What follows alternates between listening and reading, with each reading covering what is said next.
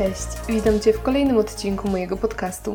Mam na imię Martyna, a temat na dziś to obrona własnych granic. Jest to zarazem ostatni odcinek tej krótkiej, choć rozwleczonej w czasie serii o asertywności, więc jeśli tematyka Cię już znudziła, to daj mi jeszcze dzisiaj tę chwilę i zaraz będzie znowu bardziej różnorodnie.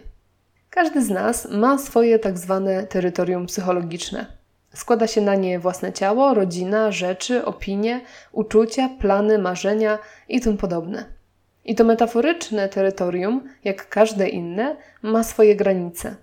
Granice, których przebieg masz pełne prawo ustalać samodzielnie tam, gdzie ci pasuje. Jeżeli jednak tego nie robisz lub tych granic nie bronisz, inni ludzie mogą próbować ci je przesuwać, niszczyć lub naruszać. I mogą to robić na najróżniejsze sposoby.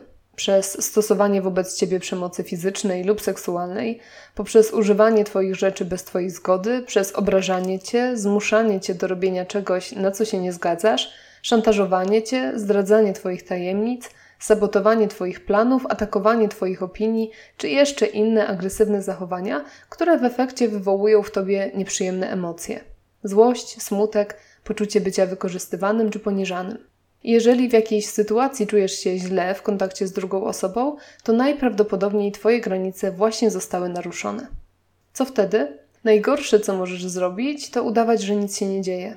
Udawanie to fakt najłatwiejsza droga, która ochroni Cię przed konfrontacją, nie narazi relacji na szwank i nie rozpocznie kłótni. Ale przez udawanie zazwyczaj nie dość, że czujesz się źle przez to inwazyjne zachowanie drugiej osoby, to czujesz się jeszcze gorzej przez własną bierność, no i oczywiście brak reakcji sprawi, że ta druga strona zapewne nadal będzie Twoje granice zadeptywać i przesuwać według własnego widzimisię. I może to robić i świadomie, bo chce sprawić Ci przykrość i lubi uczucie dominacji nad Tobą, ale też może to być zupełnie nieświadome zachowanie, bo po prostu nigdy nie mówiłaś, nie mówiłeś, że coś Ci nie odpowiada. No więc co możesz zrobić, żeby swoje granice obronić i zrobić to asertywnie?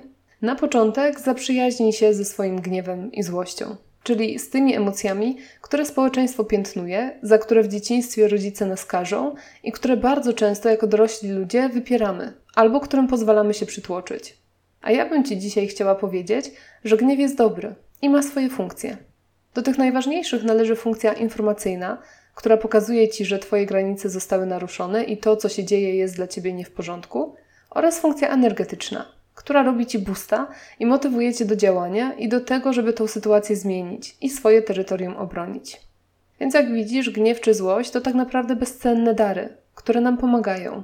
To, co jest problematyczne, to sposób, w jaki je wyrażamy i to, jak sobie z nimi radzimy. Jeżeli pójdziemy w stronę agresji, to gniew popchnie nas do siania zniszczenia, dosłownie, do niszczenia rzeczy, do zadawania innym bólu. A że agresja rodzi agresję, to gniew ten przerodzi się w walkę i konflikt i tylko się zaostrzy cała sytuacja, zamiast się rozwiązać. Jeżeli pójdziemy w stronę uległości, zapewne tą złość stłumimy i będziemy tą sytuację przeżywać w środku, co nie dość, że jej nie zmieni, to jeszcze bardzo dosłownie obciąży nasz organizm niewyrażonym napięciem emocjonalnym.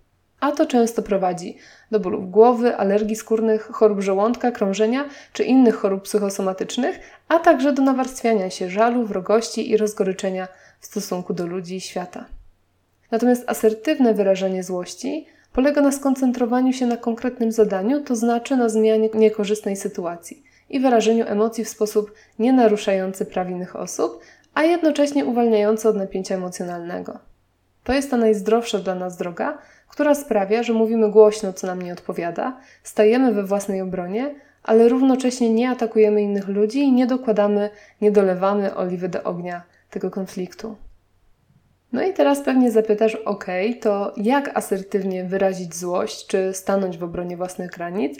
A ja mogłabym Ci odpowiedzieć, że sam czy sama już to doskonale wiesz, bo to jest nadal asertywność, o której mówimy już tutaj od kilku odcinków. I myślę, że nie zaskoczy Cię wcale to, że najlepiej jest używać komunikatów ja zamiast komunikatów ty. Że na początek trzeba udzielić jasnej informacji, co konkretnie nam nie odpowiada i jakie emocje w nas to wyzwala. Nie zdziwi Cię, że jeśli druga strona nas nie słucha, to warto użyć zdartej płyty. Oraz, że zawsze możesz powołać się na zaplecze, typu jeśli nadal tak będziesz robić, nie będę utrzymywać z Tobą kontaktu. O ile oczywiście to zaplecze faktycznie jesteś gotowy czy gotowa wprowadzić w życie. Jak mówiłam, to nadal asertywność, która zawsze polega na mówieniu o sobie stanowczo, ale bez agresji, uprzejmie, ale nieulegle. No dobra, to to myślę, że mamy, więc teraz może jeszcze tylko parę słów o reagowaniu na atak werbalny, bo jest to dość specyficzna odmiana naruszania granic naszego terytorium psychologicznego. Sytuacja, kiedy ktoś atakuje nas z taką siłą i w takich emocjach, że jest wręcz jak w amoku i przestaje w ogóle słyszeć, co do niego mówimy. Często, kiedy ktoś się na nas wydziera, bo inaczej się tego nie da nazwać, mamy małe pole manewru, bo jest nam ciężko w ogóle do tej osoby dotrzeć. W takim momencie można zastosować jedną z trzech technik, choć z tą ostatnią trzeba ostrożnie. Pierwsza z nich to tak zwane zamorzenie gniewu głodem. Nie wchodzenie w kłótnię, nie bronienie się, nie ocena, tylko jedno bardzo neutralne zdanie, powtarzane jak zdarta płyta po to, żeby z drugiej strony też emocje trochę zeszły. Takim zdaniem może być na przykład usiądź i porozmawiamy. Taktyka druga dopasowanie energetyczne. Jeżeli ktoś na ciebie krzyczy i coraz bardziej cię atakuje, a ty siedzisz i mówisz cicho, druga strona ma przestrzeń, żeby rozkręcać się coraz bardziej. Dlatego warto zatrzymać jej energię własną energią. Polega to na tym, że reagujemy na atak partnera z podobnego pułapu energetycznego. W tej taktyce możesz więc nagle i niespodziewanie krzyknąć dość tego. Czasem takie zderzenie potrafi tego naszego agresora zaskoczyć, a co za tym idzie, zatrzymać, chociaż na chwilę, ale często to właśnie o tą chwilę chodzi. I wreszcie ta trzecia taktyka, o której mówiłam, że ostrożnie, wymuszenie kontaktu. W tej taktyce są trzy elementy: dotyk, zbliżenie twarzy i patrzenie w oczy. Wszystkie sprawiają, że zmniejsza się dystans i zwiększa się szansa na zwrócenie na siebie uwagi agresora i wyrwanie go z amoku. Jednak, jak mówię, ostrożnie, bo to może wywołać reakcję obronną tej drugiej strony i doprowadzić do rękoczynów, a tego przecież nikt nie chce. To tak dodając jeszcze trochę teorii do obrony własnych granic, bo myślę, że te trzy taktyki są całkiem ciekawe i warto o nich wiedzieć. A skoro kończymy już dzisiaj temat asertywności, to tak się zastanawiam, która z tych umiejętności jest dla Ciebie najtrudniejsza? Z tych wszystkich umiejętności, o których mówiłam przez te kilka odcinków. Która sprawia Ci najwięcej problemów? Daj znać jakoś przez maila, Instagram albo Facebooka. Dla mnie jest to zdecydowanie właśnie obrona własnych granic. Przed atakami werbalnymi jeszcze potrafię się ochronić, ale im bardziej to naruszanie jest subtelne albo opakowane w niby żarcik, niby sarkazm, tym mi trudniej. I w efekcie bardzo często, zbyt często, po prostu nie reaguję. A pojawiającą się złość albo smutek przykrywam śmiechem albo ignoruję, albo wypieram, po to, żeby później mnie to coś gniotło przez dobre kilka dni czy tygodni. Więc jeśli któryś z tych tematów jest dla Ciebie trudny, to chcę, żebyś wiedział czy wiedziała, że wszyscy coś mamy. I ja również momentami koło asertywności nawet nie stoję. Więc spoko, w końcu ogarniemy. No dobra, i to tyle na dziś, i to tyle w tej serii. Teraz z racji tego szalonego czasu, jaki mam, raczej nie będę kolejnych serii realizowała, tylko pojawi się tu sporo różnych tematów i sporo tematów lżejszych i bardziej lifestyle'owych. Obawiam się, że na głębie i teoretyczną psychologię może mi nie starczyć zasobów poznawczych, więc już teraz zapraszam Cię na to, co w przyszłości. A ja się żegnam, życzę Ci wspaniałego dnia, do usłyszenia i cześć.